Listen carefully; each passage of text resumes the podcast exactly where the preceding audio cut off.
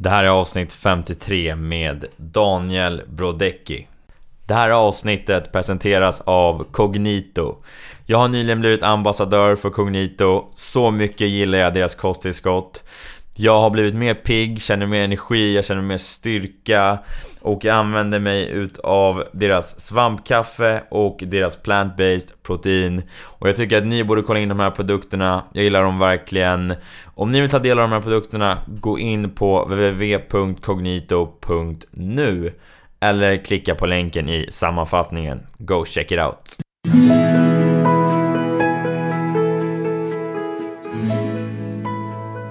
Välkommen till Bli din bästa version. Mitt namn är Kim Schultz, jag är en livsstilsentreprenör med ett stort brinnande intresse för sport och hälsa. Varje vecka kommer jag att ge er inspirerande personer eller meddelande för att låsa upp er inre bästa version. Nu kör vi! Välkommen till ett nytt avsnitt av Bli din bästa version. Den här veckan har vi med entreprenören Daniel Brodecki som driver det mentala gymmet MindClub. Jag har lärt känna Daniel för några månader sedan och eh, han är en fantastisk människa som vill göra gott i världen.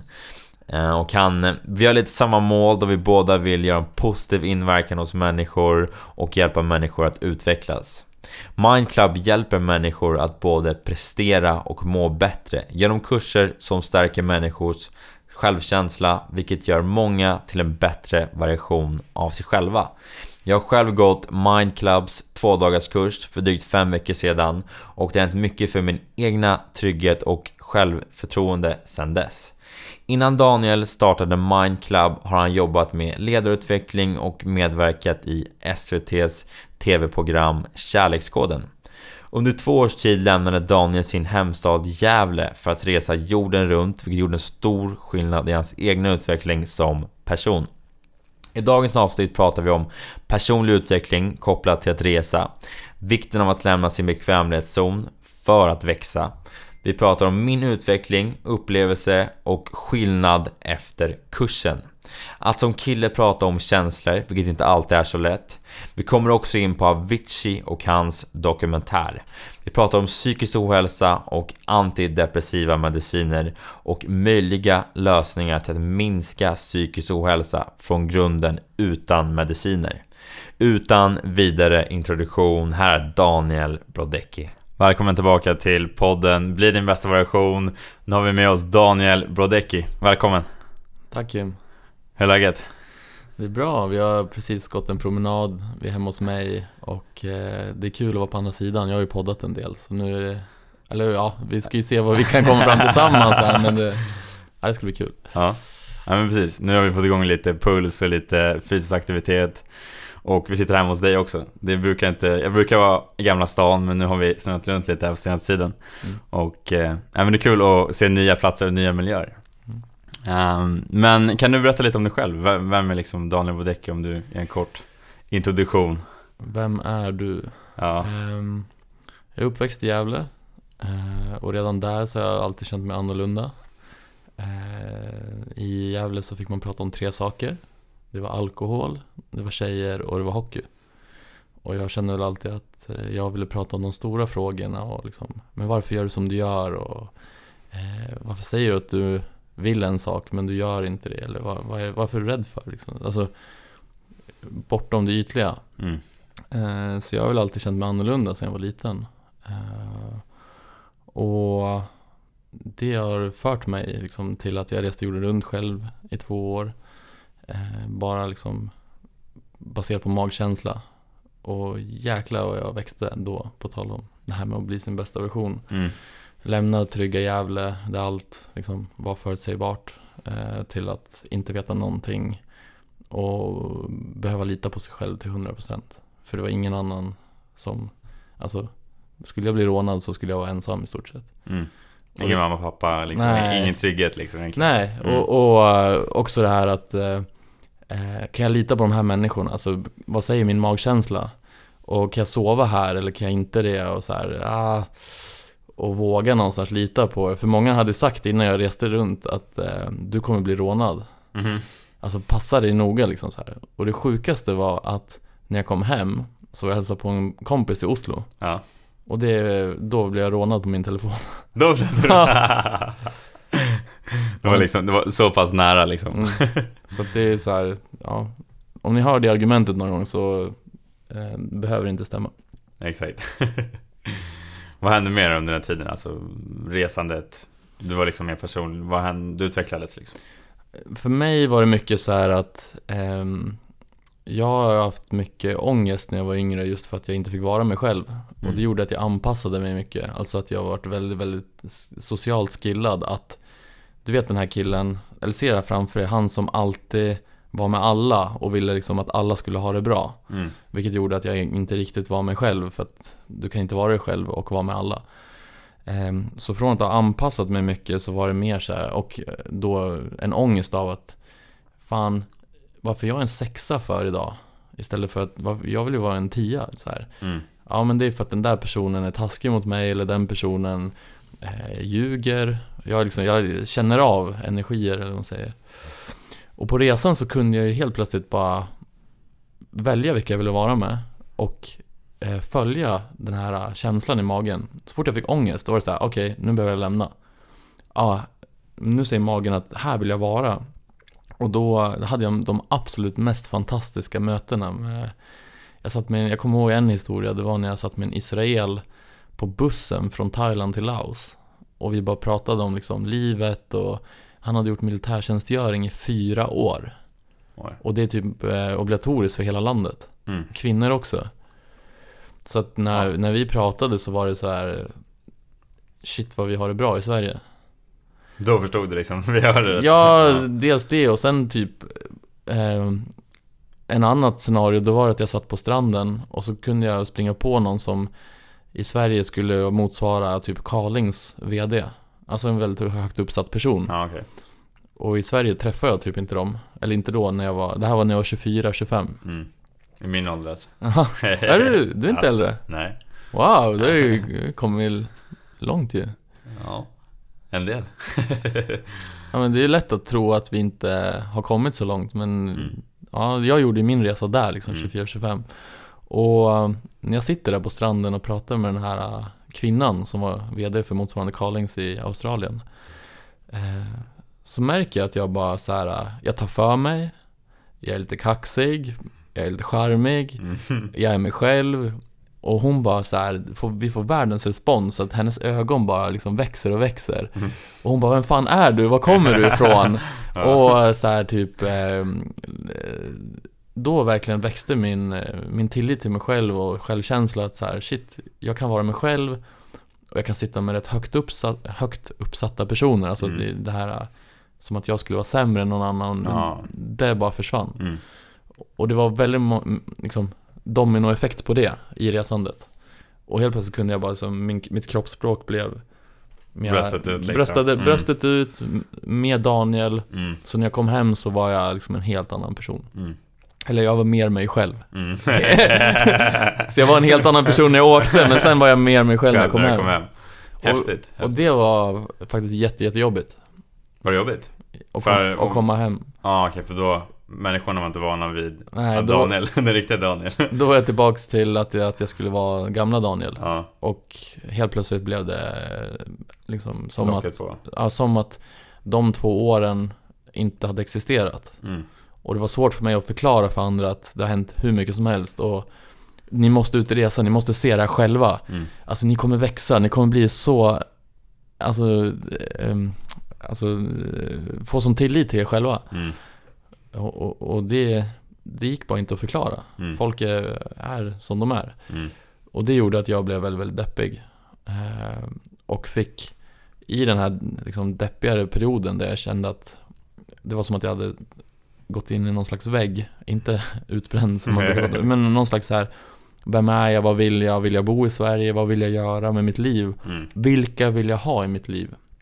Och det var då jag började re- rensa Alltså bort med energitjuvar och eh, börja liksom röra mig i entreprenörskap, röra mig med mer drivna människor och också många som hade rest mycket. Mm. Och helt plötsligt så började jag kravla mig upp igen och, och eh, Komma tillbaka ja, så det, det var en utmaning. Och sen, nu driver du Mind Club Mm. Kan du berätta lite om hur kommer det sig att du startade Mind Club då liksom? Um, det här är, ja För att ni ska förstå så är det så här, när jag var sex år gammal Så var jag, mamma och pappa med i en flygolycka som heter Gottröra. Där, ja eh, En av de största liksom, vad ska man säga, krascherna i, i svensk historia. Mm. Och det var så pass allvarligt att eh, ambulanserna kom med liksäckar Istället för med filtar när vi stod på åken, för det här var i december. Eh, För alla trodde att vi hade dött. Eh, Så det var sjukt surrealistiskt att stå där och, och så här, Vad har jag precis varit med om? Men i det så fanns det en känsla av att Jag har överlevt liksom nära döden upplevelse eh, Jag är tacksam för att vara vid liv Alltså de här små sakerna eh, blev väldigt, liksom, de bara försvann det var, jag kände som att jag hade fått en, ett andra, en andra chans. Mm. Eh, det som hände då var ju att jag också växte upp med en mamma som mådde dåligt. Pappa mådde ju dåligt men inte lika dåligt. Vilket gjorde att jag blev väldigt bra på att läsa av signaler. Okej, okay, men vad är det som händer nu? okej, okay, mamma ser stressad ut. Så här, ja, men jag behöver fixa, jag behöver lösa. Vilket gjorde att jag satt mina behov lite åt sidan och blev sjukt duktig på att läsa av signaler. Mm. Så det var ju en, en, en gift and en curse. Alltså, eh, men någonstans så är jag väldigt tacksam för den gåvan också. För det har gjort att jag alltid varit duktig på att läsa människor. Och se, så här, men hur mår du egentligen? Jag kan titta dig liksom i ögonen och så ser jag så här, men du är inte helt eh, där du ska vara. Mm. Sen behöver inte jag berätta det för dig, men jag kan känna av det i alla fall. Så det är så här, om man kort min resa så har det varit att jag har haft så många möten med människor där de har öppnat upp sig för mig för att jag har sett bakom fasaden. Mm. Och när folk berättar för mig att det här har jag aldrig berättat för någon Så ser jag hur liksom det är som en, en vikt som faller från deras axlar Och de blir väldigt så tacksamma och vill ha mer Det finns en längtan efter att få vara sig själv mm. Som jag beskrev i resandet Och det har alltid legat i mig, varför finns det inte liksom ett ställe eller en acceptans för att, att få prata om de här grejerna? Och i det så var jag med i ett tv-program som heter Kärlekskoden eh, med Henrik Fexeus som programledare. Precis ja. Eh, Hur var det? det, ja, det var magiskt. Ja. Helt magiskt. Eh, dels så inom personlig utveckling pratar man mycket om att vara utanför sin komfortzon. Mm. Eh, tänker 6 till 700 000 tittare i svensk television som granskar dig i massa olika experiment kopplat till vetenskap och kärlek. Där du till exempel, eller jag, fick sitta med sju olika kameror i ansiktet och händerna och liksom pannan och, och eh, bara ha två kroppsspråksexperter som analyserar hur min speeddate går med den här tjejen. Mm. och, och jag visste inte om det här, men det var mycket sådana experiment i tv. Och det, där växte jag enormt mycket. Men jag fick också träffa psykologer, terapeuter, kroppsspråksexperter, mm. eh, neurologer. Alla hade ju sin del i så dopamin, vad är det som skapar kärlek, allt mm. sånt där anknytning, barndom, hur har min barndom påverkat mig till att eh, skapa riktiga relationer som vuxen. Mm. Så i det programmet så fick jag så mycket verktyg och insikter så jag bara, det här måste det här måste fler få ta del av. Det måste spridas vidare. Liksom. Ja, det Ut måste spridas. Liksom. Och speciellt killar. Mm. Alltså, eh, i och med att jag har den här förmågan, gåvan eller vad man säger, så har jag träffat många killar som har typ, ja men i stort sett gråtit ut av att jag kan inte förstå mig jag har aldrig fått prata känslor tidigare mm. så här. Jag sitter här mitt emot dig. jag som har gått kursen. Ja. Precis. Uh, jag var ju precis, men det var ju en månad sedan jag gick den. Mm. Uh, och jag fick ju också gråta ut. Jag var en av en av de killarna också som fick göra det. Mm. Och det jag insåg någonstans, och det har ju verkligen en gåva. Alltså vilket så här, vilken medvetenhet du har någonstans. Alltså som du säger, du är verkligen så här verkligen medveten och verkligen ser vad någon behöver liksom. Det är verkligen en eh, väldigt så här, uppmärksam skulle jag säga. Mm. Men, men tillbaka med till, um, till upplevelsen så, så var det, det var en månad sedan och eh, det jag kom fram till under en övning var ju liksom att jag jag har någonstans aldrig, just pratat ut om känslor, jag har liksom aldrig fått, fått göra det. Just hemifrån, att aldrig få liksom öppna upp mig och prata ut just om känslor. Och jag har alltid liksom lagt en, en stor press på mig själv att jag ska liksom, jag ska prestera, jag ska leverera, jag ska... Jag, liksom, jag har känt att jag aldrig är tillräcklig någonstans. Mm. För att jag aldrig fått höra det hemifrån. Det har aldrig mm. kommit någonstans just hemifrån att ja men Kim du, du är bra liksom, eller du, det här gjorde du jättebra. Det är sånt som liksom, vi inte pratat om i, hemma liksom. Alltså just som så här känslobitar liksom.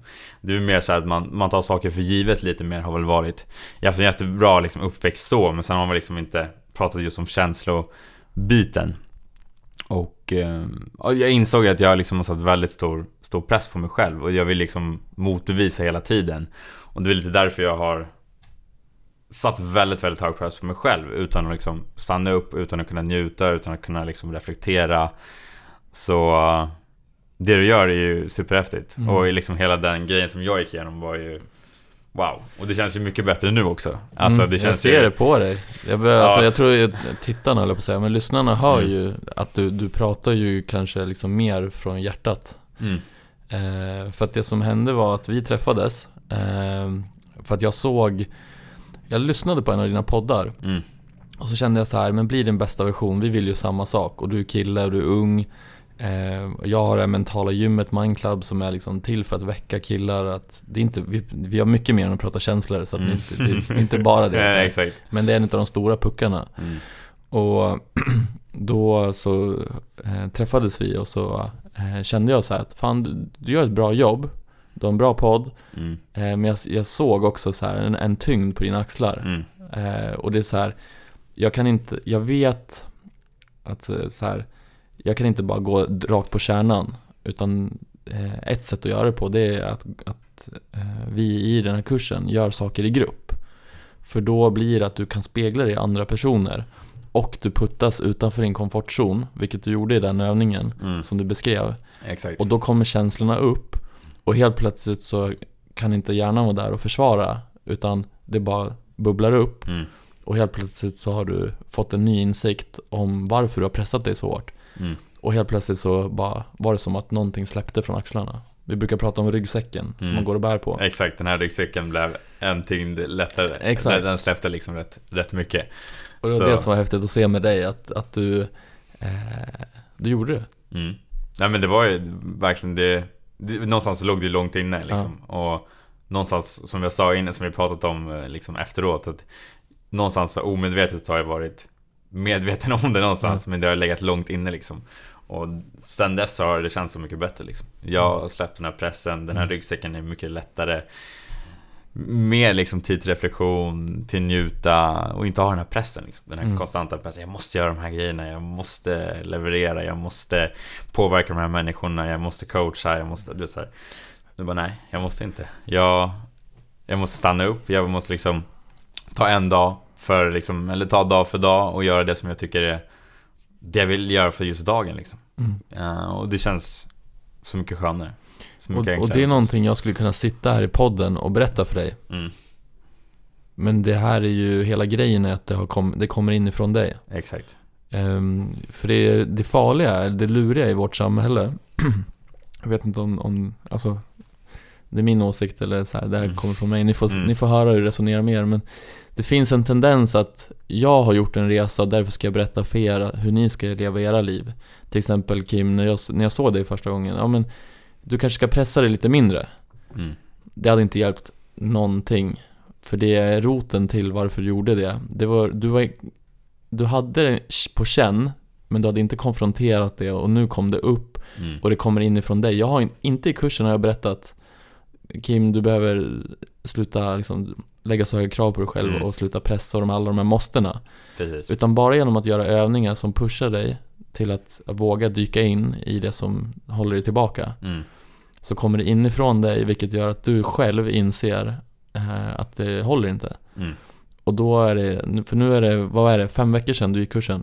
Ja, ja Vi hade ju en återträff en vecka sedan ungefär. Mm. Eh, vilket också var coolt att se vad alla andra hade gjort. ja. eh, men Alltså det jag verkligen, verkligen brinner för det är att det har gått fem veckor och du fortfarande är lätt i kroppen och du fortfarande eh, har den här insikten och tar action på det. Mm. Eh, för det farliga jag tycker är att det finns så mycket experttips och tre tips på hur du blir framgångsrik och, och så här ska du göra för att som... Så här har jag gjort. Ja, exakt. Och det är, det är så ytligt. Det, det finns ingen riktig mall tror jag liksom. Nej, alltså det... det skapar nästan mer prestationsångest mm. än att shit, jag har inte fått prata känslor, jag har inte fått möta de här demonerna eh, Mm. för att bli av med dem. Utan jag har gått och bu- jag går ju bär på dem även om jag gör de här Mm. tre tipsen. Mm. Nej men som du säger, det, det måste ju någonstans komma inifrån. Eh, jag kan inte säga till dig heller Daniel, ja, du måste göra 100 push-ups idag. Mm. du måste ner och göra det nu. Mm. Alltså, förmodligen så kommer du inte göra det. Alltså, slakt sagt liksom. Eh, Mm. det måste ju någonstans komma inifrån. Du måste vilja en förändring. Mm. Eh, jag som också jobbar som coach, det är samma där. Mm. Jag kan inte coacha någon till att tvinga dem att starta ett företag eller, eller göra en förändring. Det måste liksom, Mm. de måste inse det själva. Eh, Mm. att Jag behöver göra en förändring som, som jag mår bra av eller som jag liksom får ut av eller någonting som jag kan må bättre av liksom. Mm. Det måste man någonstans förstå själv. Och det kommer inifrån. Mm. Bygga liksom självkänsla och trygghet liksom. Och det är, om jag får dela en grej. Ja, ja, absolut. Om jag får, Shoot. alltså, det som var häftigt var att du var Första dagen, det är två dagar, så var jag, och det påpekade också att du var lite mer osäker när du pratade Jag vill göra det här fast jag vet inte, kanske, så här, Mm. Daniel, kanske mycket liksom så här. Och sen när du checkade ut eh, dag två, det, alltså, du var hur superklar För det, när, vi, när vi bär på någonting så i det undermedvetna så Det är det jag tittar efter, det är den gåvan jag har att så här. Okej, det är någonting som inte lirar Mm. och dag två när du checkade ut, då tittade jag efter samma sak och då var alla kanske borta Jag vet inte om du Mm. kommer ihåg det? Jo, Men jag jo. sa det till dig också Jo, jag minns det. ja. Det var mycket så här, Första dagen som du säger var det mycket så här, det var mycket så här tveksamheter, mycket så här, ja jag vet inte, kanske och sen Mm. andra dagen kände jag bara wow Det här vill jag, alltså det här, jag vill ha mer av det här i mitt liv, jag vill liksom mer njutning, jag vill liksom inte ha den här stora pressen Jag vill ta det mer dag för dag Ja, det kändes så Det var mer tydligt liksom Och det kändes bara mer öppet, bara hela liksom Jag kände bara hela kroppen att det var en eh, Det var en skillnad liksom Det var en lättnad Mm. Så Ja Verkligen. Det, det var en alltså, cool upplevelse. Alltså hela grejen på två dagar också bara. Det, det som är, är ännu sjukare, som liksom två dagars förändring. Dels det och sen är det ehm, att ni är sex stycken som går så, Precis, det är en grupp ja. så man ser andra växa Mm. Ehm, För mycket är ju typ att Okej, den här personen har gjort det här, då kan väl jag också Mm. Vi blir liksom, jag, jag har haft så många som har kommit till Mindclub som har gått till psykolog mycket Mm. Jag ser inte att det är alltså, coach, psykolog så här Men då sitter man oftast ett till ett Precis. Och då så se- sen, du får intellektuellt får du ju förstå så här, det här ska jag göra Mm. För att jag har det här mönstret Men sen ska du gå ut och göra det I verkligheten. Ja. Mm. och det som händer då är att många kommer till mig och intellektuellt så vet de alla mönster de har. Men de lever inte, alltså de gör inga förändringar. Mm. Och det coola är då i grupp så blir det liksom så här teamkänsla och typ Ja men kan du, då ska jag också göra och, och vi gör det tillsammans. Mm. Och där får du kraften att eh, dels under kursen förstå dig själv men också efter kursen så ser du att så här mm, ni får, fick ju en buddy Mm. Precis. så ni fortsätter så här, men hur har det gått och fortsätter hålla den här grejen uppe? Mm. Och det, det är många som har sagt att visst, de här två dagarna var grymma, men hela den här buddy-processen fram till återträffen var lika viktig som eh, kursen. Mm. Ja men precis, för det är ändå de de buddies har också varit med på resan, de har ju sett liksom, de har också gjort en resa Mm. och ändå sett resan som jag gjort själv. Så det blir de ju någonstans medvetna och det blir som att man Ja men man fortsätter ändå processen för man pratar ju ändå Man är inne i den här Mind Club-bubblan Bubblan. som vi snackar om Så då snackar man ju, då pratar man ju om just utveckling och vad som har hänt och Så då man, fortsätter man ju spinna vidare på den Mind Club-bubblan liksom Så det är, det är så som du säger, det är ju inte bara två dagar, det fortsätter ju processen liksom Och eh, det händer ju mycket också efter som du säger, det gäller ju att, Eller det gäller men eh, Det bästa är ju att ta action efter Mm. för man får reda på, okej det här är vad som har hänt och sen vill vi liksom få en action efteråt. Eh, Så absolut, det är inte bara två dagar. Det, det fortsätter ju än idag liksom. Mm. Så jag är, får- jag är sugen på att gå vidare liksom. På Flera, det har ju flera kurser också. Så. Mm. eh, Det är bara att komma. Ja, exakt. Men, eh, ja, alltså att se dig växa och alla andra och det är, så här, det, det är den största tillfredsställelsen. Alltså, eller så här, det känns genuint. Ehm, för jag har jobbat med ledarskapsutveckling innan Mindclub och det jag känner är att vi pratar bara intellektuellt till hur du ska prestera bättre. Men jag vet att när jag går ut i rummet så är det många som eh, inte gör någonting av det. Mm. Och för mig känns det inte meningsfullt. Men att sitta här med dig fem veckor senare och fortfarande se förändringen. Det är inte bara att du blev inspirerad och mm. sen ner som en pannkaka. Och, och, till exempel nu på återträffen, om jag, du hade ju verkligen tagit tag i det här också. Mm. Du har ju pratat med din familj att jag tycker att vi ska bli bättre på att prata känslor. Mm.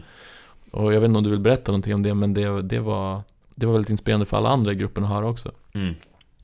Nej men jag tog upp det liksom just, eh, det var ju några dagar efteråt och liksom pratade just om känslor. Eh, att vi har liksom inte pratat så mycket känslor hemma. Mm. Ehm, man har aldrig fått den bekräftelsen just liksom hur man känner. Jag tror att det är mycket eh, Alltså jag tror det är mycket problem för människor överhuvudtaget för att man inte öppnar upp sig om sina känslor. För det, då har du någonstans inom dig någon tyngd mm. som, som ligger liksom kvar och gror om du liksom inte talar ut hur du verkligen känner. Alltså, mm. eh, jobbiga saker som man varit med om, alla har ett trauma. Eh, och kan man inte vara öppen och ärlig om vad man gått igenom i sitt liv så då tror jag att det, man håller tillbaka massa grejer och sen bedövar man det med massa andra saker. Eh, som, som socker, som, som alkohol, som, som, som droger. Som att jobba ihjäl oss. Eh, jag vet inte hur många jag har haft som har varit utbrända, som har kommit tillbaka eller varit på väg att bränna ut sig. Så mm. när vi har grävt lite så bara, oj, är det därför jag driver mig så hårt? Mm. För att jag inte vågar stå upp för mig själv eller jag har inte eh, en, haft en trygg relation med, med min mamma säger vi. Mm. Och det har gjort att jag vill visa för henne att jag duger. Vilket gör att jag jobbar stenhårt och jag är typ 28 bast och jag går in i väggen. Alltså mm. det är så här, det är inte värt det. Nej exakt. Det... För vem gör du det? Mm. Eh, och den frågan brukar vara tuff också. För vem gör, sliter du så hårt liksom? Mm. Eh, det tror jag är en viktig fråga att ställa sig. Mm. Alltså för vem gör det? Är det för dig själv? Är det för någon annan? Vem vill du bevisa dig för? Det. Uh, det. tror jag är liksom en, en viktig fråga. Och det, det tror jag liksom... Ja, jag tror att det, det är en av de större problemen. Uh, alltså när det kommer till människor, vad som håller en tillbaka, så är det liksom just känslor som, som, är, som är boven liksom. Mm. Uh, och det känner jag igen från mig själv liksom. Uh, som, som jag säger, det är ju liksom en... Det är någonting som har hållit mig tillbaka också. Och det förstod jag ju, som som innan så har jag berättat om i podden att jag liksom Jag fick finna i mina tonår och eh, vågade inte prata ut om hur jag kände just kring det. Um, och någonstans så, så liksom dövade jag det med, med alkohol och jag rymde från mina känslor och sen blev det panikångest. Uh, och det är liksom, det tog också lång tid för mig att prata ut om och det var också en känsla som jag hade inom mig liksom en lång, en lång tid. Uh, så det, det är bara jobbigt att sitta inne på de här känslorna. Så det är så skönt att bara få släppa ut liksom och få tala ut. Det är typ bland det bästa som finns skulle jag säga. Det... Och, det häftigaste, det är när du talar ut och så har du fem andra i rummet så får ju de också säga shit, jag är inte ensam mm. om att ha den här känslan. Mm. Och bara genom att lyssna på dig och se vad som händer så läker de andra. Mm. De växer. Mm. På tal om det här med att bli din bästa version. Alltså genom att du gör jobbet så får du andra växa. Mm. Vi har en tro ibland att jag ska fixa alla andra. Men när du jobbar med dig själv och du går från en, säg en sexa energi till en nia energi. Då blir folk så här, jag vill ha det Kim har. Mm. Vad har du gjort? Ja men jag har tagit ett jobbigt samtal med mina föräldrar till exempel. Mm. Wow! Jag har gått och tänkt mycket på att ta det jobbiga samtalet men jag, det är ingen som pratar om det. Så alla tror att vi är ensamma om att ha de här problemen. Mm. Men vi är typ människor. Och det finns här ungefär, nu har jag hållit på med Mindclub i tre år. Mm. Jag skulle säga att det finns mellan fem och fyra teman som det alltid kommer tillbaks till. Så jag är bara så här, mm, undrar vilket tema vi är inne på nu så här. Vilken röd tråd är det? För att det är alltid så här. Jag kan ta ett exempel. Vad andra ska tycka om dig. Alltså, du gör, du gör saker baserat på att eh, folk ska tycka om dig. Mm. Du gör inte för att du själv vill. Det är ett tema som är väldigt eh, centralt mm. i det. Och när du börjar inse att fan, så vill jag inte leva mitt liv. Och börjar så här inse vilka konsekvenser det har haft att jag har eh, gjort vissa val baserat på att passa in. Typ jag går ut och super fast jag inte vill. Mm. Och så kommer den här ångesten och så bedövar jag den och sen så typ, ja, du fattar. Man går in i de här normerna eller de här grejerna som alla andra gör för att man inte passar in liksom. Så, blir det, så blir det fel värderingar någonstans. Mm. Men vad, vad, tror du liksom... Eh, jag tror, det känns som det i alla fall att vi just nu i samhället att vi skriver ut mer liksom anti, antidepressiva och psykiska ohälsan liksom ökar. Vad tror du liksom är den största anledningen till det? Alltså det är ju... Eh, och jag har så här, hur mycket som helst att säga om det. Jag blir bara eh, arg när jag tänker på det. Jag blir fruktansvärt upprörd, irriterad. Att det är som... Jag, jag, jag bara pratar av mig men mm. det är som att vi bara skriver ut saker som att det är, eh, det är lösningen på problemet. Men det mm. bedövar ju personen. Jag har haft folk som har kommit till Mindclub som har gått till doktorn för att de har haft eh, ångest, panikångest eller ångest. Mm. Vilket är, som jag sa, jag har levt med mycket ångest när jag var yngre. Eh, för att jag anpassade mig och att jag inte litade på mig själv och, och jag hade den här gåvan men jag använde den inte och allt sånt där. Mm. Men när jag började lyssna på min ångest, det var då jag kunde börja säga nej, nu hoppar jag av universitetet och drar och reser två år. Och där, så här, i de två åren, jag hade inte ångest en enda dag i stort sett. Och som jag sa, jag växte som människa allt det där. Eh, men när den här tjejen går dit med sin panikångest och läkaren på typ 10 minuter så har hon fått recept på antidepressiva. Och hon bara, hon har tillräckligt mycket självkänsla för att känna att det här är inte jag. Mm. Men hon är ju fortfarande långt nere i, i skiten. Och hon ändå bestämmer sig för att slänga pillerna i sopkorgen. Och bara, jag löser det här på något annat sätt. Och vi är människor och du, du har intervjuat, vad heter han, Hansen? Ja, precis, Anders Hansen. And, han, ja. Anders Hansen, att ja. vi ska röra på oss och så här. Och det är en del av lösningen. Eh, liksom att, att inte fastna i våra huvuden. Eh, men eh, hon, eh, hon bara kände, nej jag behöver verkligen ta tag i det här och började liksom meditera eh, och jobba med sig själv. Mm. Eh, och hon har bland annat gått kurs hos Mindclub så att det blev så här att hon bara, varför, det här är ju lösningen. Mm. Vi går ju till roten av problemet.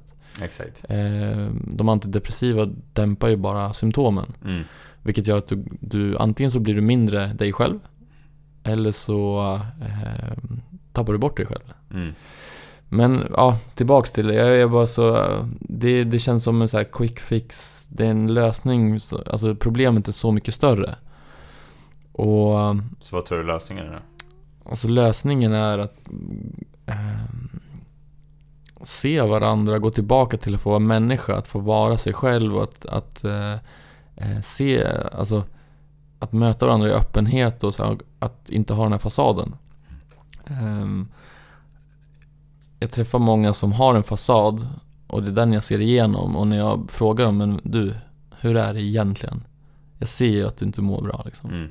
Och de bara bryter ihop totalt. För att de blir sedda för första gången på väldigt länge. Och jag pratar för Sverige i det här fallet då, men vi är dåliga på att se varandra. Vi är bra på att stressa i onödan, vi är bra på att stressa upp och sätta press på oss själva. Vi vill passa in, vi eh, har arbetsplatser där folk bara kör på liksom, och vi har ganska tuffa eh, ska man säga, mål att uppfylla och vi kan jobba hemifrån och vi har Instagram och vi har sociala medier, vi, vi har mailen på söndagar. Alltså det är så här, det, det, är ingen som tackar dig för att du bränner ut dig. Mm, exakt. Det finns ingen som säger Nej. det.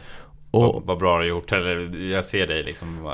Eller jag ser att du mår dåligt kanske, eller jag ser att du men överhuvudtaget som, som du säger. Eller bara, shit vad bra att du jobbade helgen också så att vi fick mm. mer gjort. Mm. Det, det är typ då vi blir sedda. Och vi jagar ju den här bekräftelsen. Och bekräftelsen ska inte komma från att du är så stressad. Alltså jag har träffat så många som bara, jag hinner inte ses nu, det är så mycket just nu. Och det är typ som att det är coolt att ha mycket att göra. Mm. Lite som att det var coolt i skolan att inte få högsta betyg. Mm. Utan att få IG. När jag i alla fall gick i skolan i Gävle. det var eh, samma för mig också faktiskt. Är det så? ja. Och det gjorde att jag skämdes ju när jag fick bra betyg. Mm. Eh, och jag kände mig, jag tryckte ner mig själv. För jag ville ju passa in. Så det, det gjorde ju, ja, så jag, vet du vad jag gjorde? Nej, vad gjorde du? Sämre betyg eller? jag, eh, jag pluggade väldigt, väldigt lite. Mm. Och så fick jag till VG, VG+. Så var jag ändå så här, ja men jag pluggade inte och fick ändå det här betyget. Och ibland fick jag MVG liksom. Alltså att jag, jag gick in i, i att jag i alla fall inte pluggat. Mm. För då, mm. det var ju dåligt. Då var det plugga men ändå fick jag ja. liksom så här, och det, bra betyg. Ja, och det är lite så jag tänker nu i Sverige att så här, eh, att säga att så här, nej men du, jag har tagit ledigt två dagar och, och eller jag, jag, jag, jag, säger nej nu liksom. Jag tar hand om mig själv, jag sätter syrgasmask på mig själv. Mm. Det, det krävs mycket tillit till sig själv och att eh, våga, alltså våga bryta mönstret.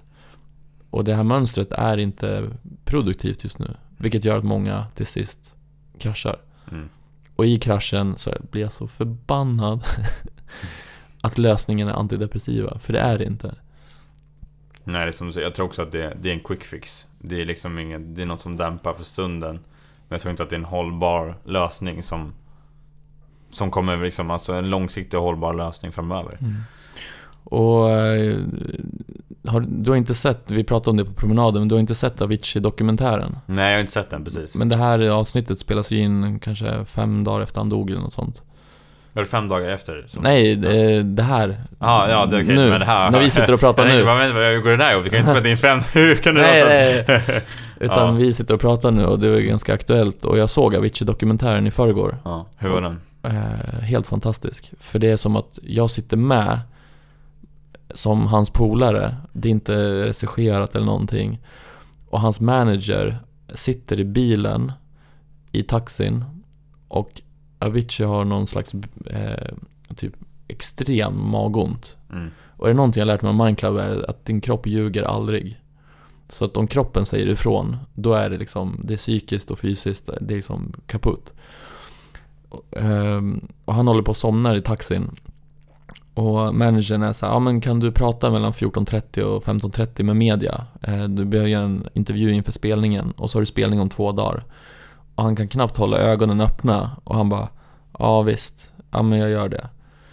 För att han har ju aldrig liksom fått lära sig att eh, ta hand om sig själv eller att han är ju en produkt.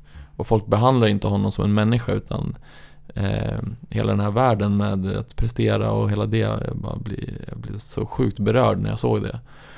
Och sen eh, var det en annan scen när han ligger där i sängen, i sjukhussängen med läkarna. Och så står läkarna och, och diskuterar av vilken medicin de ska ge honom för att ta bort smärtan i magen.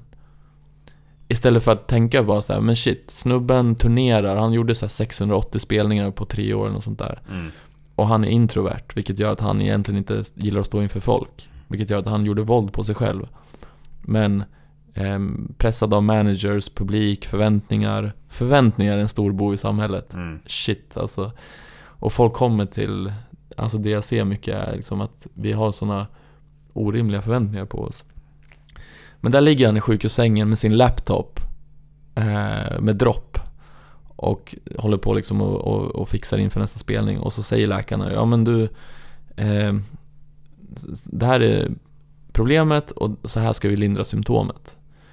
Och ingen stannar upp och bara du det här är allvarligt och det här är liksom, fortsätter du så här så kommer du bränna ut dig. Du kommer eh, må riktigt, riktigt dåligt och nu eh, tog han ju livet, eller jag vet inte om han tog livet av sig men han lever inte längre. Och, och det är så, den dokumentären vill jag att alla ska se. Ja, jag måste se den. Ja. Alltså, det där är, vad sjukt. Alltså det låter ju helt... Att ingen ens stannar upp och typ frågar hur, hur mår du överhuvudtaget. Eller liksom, du kanske borde ta, som du säger, ta ett steg tillbaka. Det låter ju helt... Alltså under liksom de förhållandena som han... Som du berättar om liksom. Det mm. låter ju... För att han drar väl in en till två miljoner per spelning. Mm. Eh, det var en scen också när han var i Las Vegas och så säger han till sin manager eller någon där att så här, du, jag pallar inte. Jag, jag, jag klarar inte. Jag liksom, min, hela min kropp säger nej. Och jag säger det, kroppen ljuger aldrig. Mm. Har du ångest, lyssna på den. Tryck inte ner den. Eh, tycker du att det är jobbigt att prata känslor, prata känslor. Upp med skiten. Mm. Eh, du vet, ja, ja, ja det är jo, exakt det. Så det är egentligen det vi gör. Liksom, mm. och, och, utan att det ska vara läskigt, utan det, det är vi är alla människor. Mm. Men där så, så säger han det, agenten, att Nej men det är helt omöjligt att ställa in de här spelningarna i Las Vegas. Han sa han pressar Avicii till max. Och det är ändå sjukt att han har förmågan där att säga nej. För det är många som, på tal om det här med att jag inte duger eller att vem är jag mm. liksom. Så säger han nej, han går till den här snubben i, alltså själva, eh, vad ska man säga, promotorn i Las Vegas och så säger han så här, det går inte. Han mm. går upp till honom. och promotorn säger att, ja men jag förstår, det här är allvarligt. vi ställer in. Mm. Medan managern har sagt att det går inte att ställa in. Så, och typ att han hade pratat med promotorn att det är kört. Mm. Så att det är så jäkla fult att pengar går före välmående eh, i, det här, i den här serien då, eller så. Mm. Och det är, det är mycket igenkänning. Jag tror att det är, generellt så är det mycket pengar som styr. Alltså när man kommer till, till vad det än är liksom. Så är det mycket pengar. Det känns som typ medicin, jag tänker bara medicinindustrin i, i USA liksom. Ostattack. Vill ha slag på? Sorry. Nej det är lugnt. Jag skulle dricka tyst och så är ligger en. Eh, Det var inte att du började prata om läkemedelsindustrin och massa pengar och... Men- jag tänkte, jag tänkte, var det så himla kul? Nej men, eh, ehm, nej, men det, det jag tänkte på var ju liksom pengar, det, egentligen just i USA i alla fall så är det mycket, mycket piller som skrivs ut. Mm. ehm, som vi pratar om här också med antidepressiva. Och det, det tror jag liksom är ju mycket för att i alla fall i USA, det är pengar som styr för att det är så mycket pengar. Läkemedelsindustrin är så pass stor. Och det genererar så mycket pengar. Men de skulle inte behöva alla de pillerna. Sådana industrier finns det ju flera man kan titta på. Där det är mycket pengar som styr som vi kanske inte Precis. mår bäst av tyvärr. Alltså, det är bara att tänka så här, okej. Företagen tjänar pengar på att folk mår dåligt. Du är en kund, alltså i läkemedelsindustrin och läkare och allting. Mm. Du är ju inte en bra kund om du är fisk. Nej. Alltså jag tror ju typ, i och med att jag ser så mycket effekter på Mindclub och eh, jag tror typ att jag kommer bli jagad av läkemedelsindustrin om, om jag skulle vara en stor aktör på marknaden. För att jag skulle ta kunder ifrån dem. Mm. Eh, mitt mission är liksom att få människor att vakna och, och, och bli liksom lyckliga. Mm. Och jag, jag kan bara ta ett exempel, för jag träffar många som är, ja men så här förkylda eller typ så här, känner av mycket så här i kroppen. Ja, återigen, kroppen ljuger aldrig. Ja. Det är liksom, that's it. Mm. Och jag har jobbat rätt hårt med Mindclub de här tre åren. Men jag, så fort jag känner att nu håller jag på att närma mig någon slags så här uh, limit. Så har jag sovit, jag har dragit handbromsen. Så på tre år så har jag inte varit sjuk en enda dag. Och jag har jobbat rätt hårt. Mm. Men det är också en kombination av att jag gör någonting att- som känns meningsfullt och att eh, jag får eh, välja min tid själv. Alltså jag jobbar ibland tre, tre hela dagar liksom. Mm. Och så kan jag vara ledig två dagar. Alltså jag känner ju in min, när jag har flow och när jag inte har flow. Ja, exakt. Men bara det här att vi lever i ett samhälle där du ska vara produktiv mellan 8 och 5 Det är krav på att du och du ska vara- sitta mm. på den här platsen. Jag menar, jag, jag är typ Jag ringde ju dig, jag skypade ju med dig när jag var i Spanien Mm. Så vi hade ett Skype-möte när jag satt i en solstol och, och jag vet inte om jag var lite taskig som typ Du satt lite mera, lite, kanske lite på kontoret Ja, exakt. Jag bara, det här är också ett kontor Mm. Att, att liksom, det är alltid möjligt eh, Men ja, jag har väldigt mycket respekt för eh, vad som är eh, Alltså att inte gå in i att Ja, ja, men jag är bara förkyld Mm. Utan, really? Så alla ni som är, ja nu är det eh, kanske det här sänds i sommar men Bara Våga titta inåt bara, är jag helt ärlig med och våga lyssna in i kroppen Och eh, om du inte vet hur man lyssnar in i kroppen eh, Testa att meditera Mm. Ja, meditera du det har jag pratat mycket om mina poddar också hållit på med lite mer än ett år. Det tycker jag är...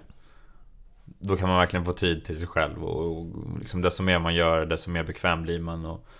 Eh, och vem, alltså men det kommer upp, man, man kan man liksom, man blir mer medveten tycker jag, man blir mer... Man har mer tid till sig själv, det kommer upp mer känslor, man kan sitta med sig själv. Nej, testa meditera, absolut. Det, det är liksom stark rekommendation till alla som lyssnar. Det, jag har bara fördelar liksom av... Jag gick ju, jag gick ju en mindfulness instruktörsutbildning Ja, hur var det? och, och det roliga var att så här, ha- halva tiden satt vi och mediterade i grupp Ja, Och jag bara, men hallå varför va- lära mig? varför, varför jag betalat 25 000 för att sitta och meditera i grupp? Ja, Och de bara, jo men Daniel så här är det eh, Folk vet att det är bra att meditera ja, Men folk gör inte Ja. Om det inte är grupp Och när vi mediterar i grupp så blir det gjort Vi kan dela upplevelsen för det dyker ju upp saker när vi mm. mediterar Så att eh, Det gjorde att jag förstod att okej Det här med grupp är väldigt kraftfullt Kraftfullt, ja. För att ett, det blir gjort Mm. två, det dyker upp saker som du kan dela med andra. Mm. Och om du skulle, vi mediterar ju en del på kursen. Mm. Du går in i dig själv. Vi gör en jobbig övning, sen får du gå in i vilka känslor liksom vak vaknade Ja, upp nu så här. mm. Och när du säger bara, men shit, eh, det här dök upp. Mm. Då kanske någon annan bara, det där har jag inte ens tänkt på. Så att, eh, ja, jag, jag var lite så här. Fick jag verkligen valuta för pengarna på Mindfulness Research-utbildningen? Ja. Men nu inser jag att det är väldigt, väldigt kraftfullt. Och när jag körde kurs i Spanien nu sex dagar, Mm. där jag verkligen fick liksom, tid på mig att, att jobba in eh, mindfulness i, eh, i ryggraden så att säga, Ja. på deltagarna. Enorm effekt. Mm. Det här alltså, jag pratade med en tjej nyligen och det var nio veckor sedan hon gick kursen. Och hon Mm. säger jag lever fortfarande på Spanien-effekten. Oj. Jag känner mycket, jag är mycket mer närvarande, jag är mycket mindre i framtid. Mm. Och i framtid så har det skapat mycket, mycket oro i min kropp. Och att inte vara närvarande gör ju att du, ja men du sliter ut dig. Mm. Eh, Du tänker alltid bakåt och framåt liksom. Ja. Du är ju någonstans inte här och nu liksom. Och det låter lite så här kanske klyschigt att du ska vara här och nu, men, Mm. men det är någonstans, du kan jättegärna titta på framtiden. Men det finns nycklar för hur du kan titta på framtiden utan att bli orolig och stressad. Mm. Precis, inte alltid tänka framåt. Bara, Åh nej, jag måste ha de här grejerna. Exakt. Lalala. Se allt som är dåligt. Ja, ja, men precis. Exakt. Mm. Um, jag funderar lite, vad, vad har du liksom lärt dig om med, så, med så, mänskligt beteende när det kommer till liksom Mindclub? Vad har du lärt dig liksom under den resan där? Hmm. Vad, har du något speciellt du tänker på? Jag är så här, Nej, alltså, du har ju jag, sett en del av resan, Ja. det är därför jag tänker om det Ja, nej, alltså, jag är mer intresserad hur, alltså Egentligen hur, du berättade lite om det tidigare men det, det är så Tycker jag i alla fall häftigt att se liksom att du så Ser så mycket Alltså du, du är så Närvarande liksom Jag kan inte säga att men du, du ser någonstans Det finns en låsning Och hur, hur har du utvecklat det liksom? Just det, eh, den här gåvan Ja exakt, gåvan Men det, var ju som du sa tidigare liksom, eller? Ja fast det, det, det, det är ju någonstans att Alltså vi har gåvan i oss allihopa Jag har bara vågat ta fram den, jag vågar lyssna på, på den och när jag ser grejer så vågar jag ställa de frågorna som, som kanske inte andra ställer Eller jag vågar dra i dig bara Mm. Kim, det vore fantastiskt kul om du ville gå kursen för att jag ser Alltså jag sa inte att jag ser grejer men jag Mm. vet att det skulle vara bra för din karriär, coaching, du skulle prestera och må bättre Mm. och, och, och gåvan är någonstans att jag vågar lyssna på och se på det här och att det är väl också de verktygen jag lär ut, att du har det i dig också. Mm. Men det är någonstans att om du inte i ditt huvud är i framtid, dåtid och har massa tankar om hur du ska vara för att bli omtyckt utan bara är helt dig själv, för det är någonting jag jag, jag mår så sjukt mycket bättre nu än vad jag gjorde när jag var yngre. Det är som att det har verkligen släppt. Så att när jag kan vara mig själv och bara vara brutalt ärlig med det jag ser eh, och våga bara möta ögonkontakt och, och säga som, jag, som det är. Jag, jag vet att, kommer du ihåg på slutet av kursen, när du skulle gå hem? Mm. När vi träffade den andra killen som, Ja. som hade varit i lokalen. Precis Och så sa jag att jag ser på dig att du, du går och bär på någonting. mm. Ja jag minns Kommer du ihåg det? Ja jag minns Och det slutade med att han berättade att han, hans mor är, mor är självmordsbenägen. mm. Liksom, jag, kan, jag kan inte säga att jag ser att det var det, men jag ser att så här, han behövde en, en, en, en, någon som sträckte ut en arm.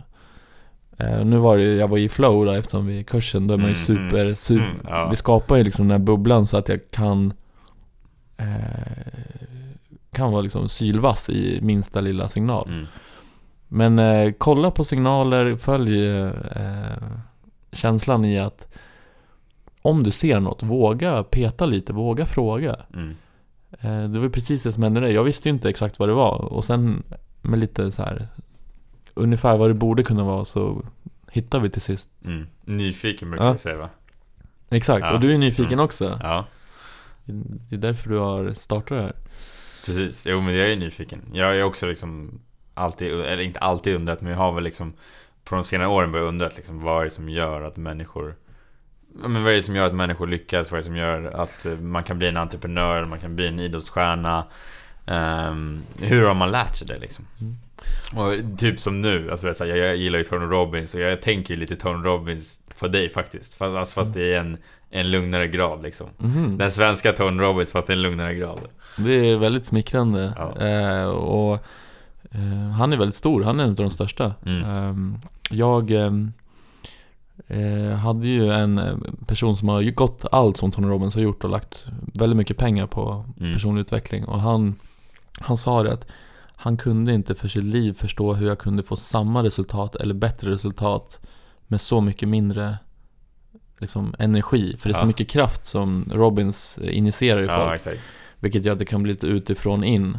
Typ, Mm. ah, jag står och studsar, nu händer grejer, jag känner mig lättare. Mm. Medan jag bara lirkar lite, så helt plötsligt känner du lättare fast du inte har stått och studsat. Mm. Eh, Exakt, inte samma härliga, eller Nej. härliga men här, grymma energi liksom. Eh, Det är ju mer, det är liksom stora, vad ska man säga, det är stora typ liksom energi... alltså, Blockeringar. Ja, exakt. Så det, ja, mm. ja, det, det det är lite två olika, eh, vad ska man säga, två olika plattformar liksom på att göra det.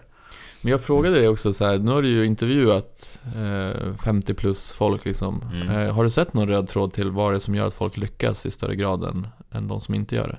Mm. Nej men den, det den röda tråden skulle jag säga, det är en tro på sig själv. Mm. Eh, en självkänsla att jag kan göra någonting stort, eller jag kan göra någonting större än, än, än vad jag gör just nu. Liksom. Det finns en tro på att det går att göra. Skulle jag säga är, är nog den största. Mm. Eh, det är nog den största liksom, röda tråden som jag kan se. Mm. Varför människor har, gör det de gör och varför de liksom har någonstans lyckats. Eller varför de driver sig själva så hårt så att de Mm. bränner ut sig för att de inte tror på sig själva. Ja, det kan ju för också vara. Alltså, alla har ju inte haft den här jätt, alltså kanske självkänslan heller. Det är liksom, vissa har ju drivits av, ja men precis som du säger, att det är kanske liksom, det kanske är någon annan som har, för att man inte har sett, man kanske inte blivit sedd av någon annan och kanske därför man drivs av det. Eh, men någon slags en tro på en själv skulle jag säga. Mm. Men, Jag är ju faktiskt eh, i, eh, i Mindclub så har jag dykt på ett verktyg som jag tycker är skönt att, att titta på självkänsla med. mm. För självkänsla kan vara lite uttjatat. Eller det kan vara svårt att ta på, speciellt för oss killar kanske. ja, lite svårare i alla fall. Ja, jag hade ett seminarium om självkänsla och då kom det 22 pers. Eh, varav Mm. typ 17 tjejer och 4, 5 killar då. Mm. Mycket mindre killar. Ja, exakt. Ja. Men eh, det, hur jag förklarar det är väldigt rationellt och logiskt. Och nu, det är väldigt förenklat, men självkänsla, eh, det kan man säga är självförtroende plus välmående. Så det vill säga att du både har självförtroende att få saker att hända, Mm. men du mår också bra under resan. Under Du trivs i dig själv, du är Exakt. trygg i dig själv. Mm. Oftast så har man ju mer eller mindre av någon. Mm. Och det, det, det vanligaste jag ser, många högpresterare som kommer till oss, så de är ju väldigt höga på att få saker att hända. Mm. Men de mår skit. Ja. ja och men- då är självkänslan låg. Mm, exakt. Eh, i. I mitt fall så har det varit att jag har varit väldigt hög på välmående.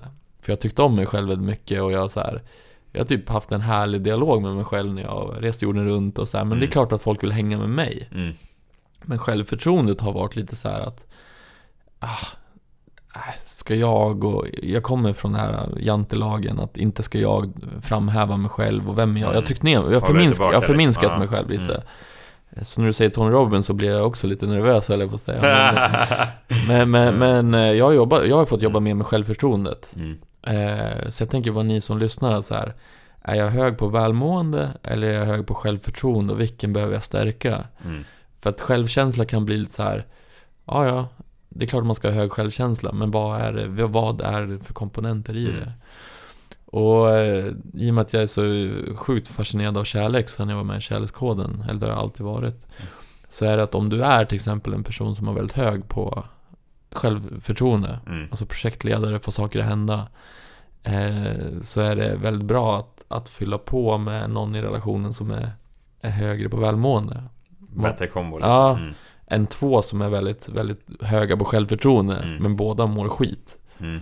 Ja, Alltså, det- det- om man hårdrar det. Ja, jag- För jag pratade med en psykolog i, i programmet och hon sa just det att hon sitter mycket terapisamtal med två stycken projektledare som bara gör och gör, karriärister, mm. men det finns inget så här tillfälle att andas, att liksom verkligen nära relationen, vårda relationen. Mm. Och sen har det funnits tillfällen då folk är väldigt bra på nära relationen och det är väldigt mysigt men det händer ingenting. Mm. Så den här kombinationen, alltså man pratar om någon som är mer bensin och någon som är mer olja i relationen. Det är den man vill ha, Mm. den kombon. För då, då stärker du självkänslan. Mm. Hur, hur kan man stärka det mer då? Har du något liksom, mer konkret som du tänker? Alltså göra det du gjorde.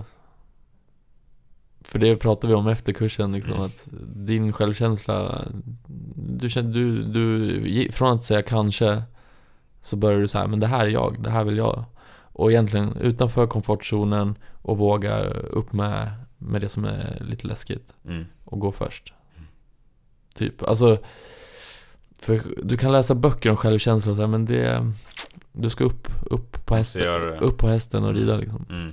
Du måste erfara det liksom. Så självkänsla, ja, brutalt ärlig mot dig själv och gå, gå där är jobbigt. Mm. Eh, och är det självförtroende du behöver, då behöver du göra saker, alltså, och är det välmående, då behöver du meditera och ta hand om dig själv. Liksom, så.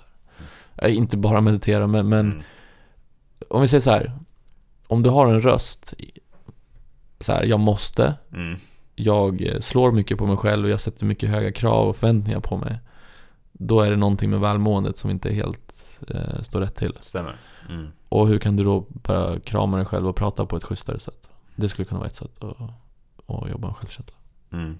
Ja, den tror jag, där känner jag igen mig också. Mm. Alltså det tror jag flera andra känner igen också. Att liksom jag måste, eh, man har den här rösten att man, alltså man är liksom hård mot sig själv liksom. Eh, Man Mm. måste leverera liksom. Och det, det tror jag kan vara, kan vara väldigt vanligt.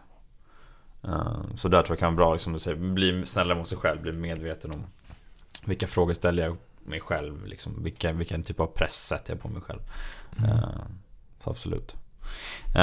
Vi kommer till de sista frågorna då. Ja, kör. Under den senaste tiden, vad är du mest tacksam för? Den, alltså den senaste, Ja, senaste månaderna eller senaste månaderna. alltså jag är tacksam för att jag eh, har vågat eh, tro på mig själv. Mm. Alltså det är, faktiskt för att eh, det har varit liksom, så fort det kommer motgångar så är det så här, ska jag, ska jag, hur tar jag mig förbi? Och så här, men jag, jag känner på mig att jag, jag kommer klara det. Jag, jag tror på mig själv. Så att det har gjort att det är så här, jag kommer framåt. Eh, och det är jag väl tacksam för. För att eh, många som eh, har jobbat med mig bara så här, shit vad du är problemlösningsorienterad. Du ser inga problem, du löser dem. Mm. Och det är jag tacksam för att jag inte bara stannar upp och lägger mig ner och skiter i liksom. Kul! Kul att höra, alltså häftigt. Skönt alltså att få den, få Mm. den känslan liksom. Lite så känner jag också med nu. Lite mer, mer tro på mig själv ja, liksom. Det, men jag ser det. det Ja. Jag tror att ni som lyssnar hör det också. det, det, förhoppningsvis hörs det också. Och syns. Ehm, om... Vad, vad, skulle du säga, vad skulle du vilja att människor tänker på dig? När, om det är din sista dag. Eller liksom... När du går bort, vad vill du att människor ska tänka om dig? Oh, intressant. Um, Vad vill du liksom lämna efter dig? Legacy liksom. Mm. Nej men att, att känna att jag har gjort en, en skillnad i människors liv, att de eh, får vara människor och att i det skapa äkta relationer, alltså som där du får vara dig själv. Eh, så någon typ så här, tänk dig att, att se barn växa upp med kärleksfulla föräldrar Mm. och veta att ja, men jag hade en liten del med det att göra. Det skulle jag, det, det, det kittlar. Mm. Och det, det är det samhället jag vill leva i. Jag är så jäkla trött på piller som helst. Ja! Killen som gick emot antidepp-vågen och fick en halv, ett halvt land att sluta med antidepp liksom. Nu är jag väldigt kaxig men, men, men det hade varit ett, ett sjukt legacy liksom. det hade varit häftigt. Mm. Ja, det kan, det kan hända. Jag kan se det framför mig. Jaha, jag är ju, ni märker ju att jag, det är någonting som, som stör mig liksom. Mm. Och det är oftast då när den, jag startade ju Mindclub för att jag störde mig på att många mår dåligt och jag vet att det, de här verktygen hjälper. Mm.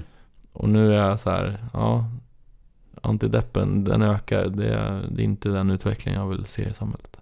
Och det jag gör då, det är att jag, jag har utbildat nu eh, tio stycken som går ett sex månaders program. Och det är mitt, min tanke är att förlänga mig själv. Så jag skapar liksom, jag lär upp Ringa andra, på ja, ringa på Mm. vattnet. Eh, för att jag kan inte göra det här själv. Mm. Eh, och det vore ju coolt att få göra, utbilda hundra Mm. på sex, alltså sen tusen och sen helt plötsligt så, Så har vi ett stort community. ja, Då skapar vi förändring. så där har du också ett legacy-tänk. Mm. Liksom. Mm, häftigt. Eh, jag brukar säga tre sanningar. Tre sanningar som du, men nu säger vi två sanningar. Vi mixar det och vi säger två sanningar. Så två sanningar som du tycker är sant från livet. Och det är dina sanningar. Eh, om du får en penna och papper, skriv ner två. Vad skriver du ner då? Ehm, kroppen ljuger aldrig. Mm. Ehm, för den, den, det, det skulle, ja, jag har ju lyssnat på min ångest hela livet liksom. Ehm, den andra sanningen är, livet blir inte roligare än vad man gör, eller vad säga. Mm. Ehm, det finns mycket sanning i det också. Det blir inte roligare vad man gör det till. Nej. eller? Ja. Det är så här, när du börjar gnälla på att det är tråkigt och det är det, så här, men gör någonting åt det då. Mm. Det här återigen att lösa, ta tag i sitt liv. Mm. Ehm, Jag hör mig själv ofta säga det. Ja, men det blir inte ro- roligare än vad jag gör det. Mm. Ja men det, Så här Ja. tråkigt men det är, det är nej, men det är sanning. Det är absolut ja. Ja, Om det är en sanning du vill ha så är Mm. det Är det någonting mer som jag borde frågat, som du tycker? Eller någonting som du funderar över? Nej jag tycker vi har fått med det mesta Ehm, När ska du se Avicii? det blir... Nej, inte ikväll. Mm. För ikväll så är det, jobbar jag. Så det blir imorgon. Mm. Imorgon blir det, måste jag säga. Mm. Jag vill bara ge en stor kram och, och äh, jäkligt modigt att du, att du gjorde det här. Jag har verkligen sett ehm, många väldigt framgångsrika människor som jag har sett inte riktigt skulle våga göra så mycket som du, du har gjort, som har gått tidigare. Så, Mm. så att trots din unga ålder Mm. så äh, du ska ha en stor, äh, alltså verkligen så här eloge höll jag på att säga, men att du är modig. Tack. Mm. Nej men kul att höra. Det, det är kul att du tycker det. Det är, det är kul att höra att du säger det. Det känns också så här. Jag ser ju allt Mm. i och med att jag är ut, utifrån. mm. Så, äh, en, fan var stolt över det. Alltså, du gjorde det. Mm. Nej men jag är stolt faktiskt. Det, det, känns, Mm. det känns bra. Och, ja, det känns bra. och jag är stolt faktiskt. Det. Mm. över det jag gör. Så det, det är. Till sista frågan då. Mm. Vad, hur tycker du man är när man är sin, sin bästa version? Hur är man då?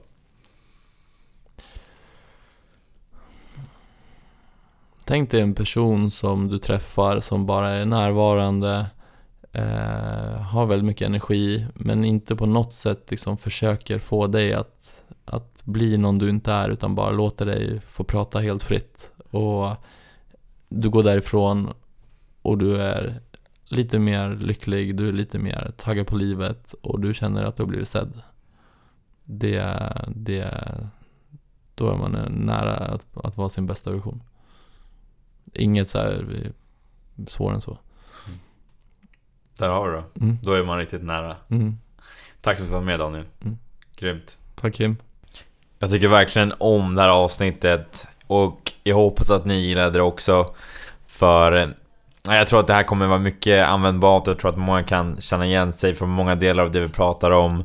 Om man som, om man pratar ut om känslor just som kille och överhuvudtaget som person, som människa och prata ut just som känslor. Det, det är väldigt, kan vara väldigt jobbigt.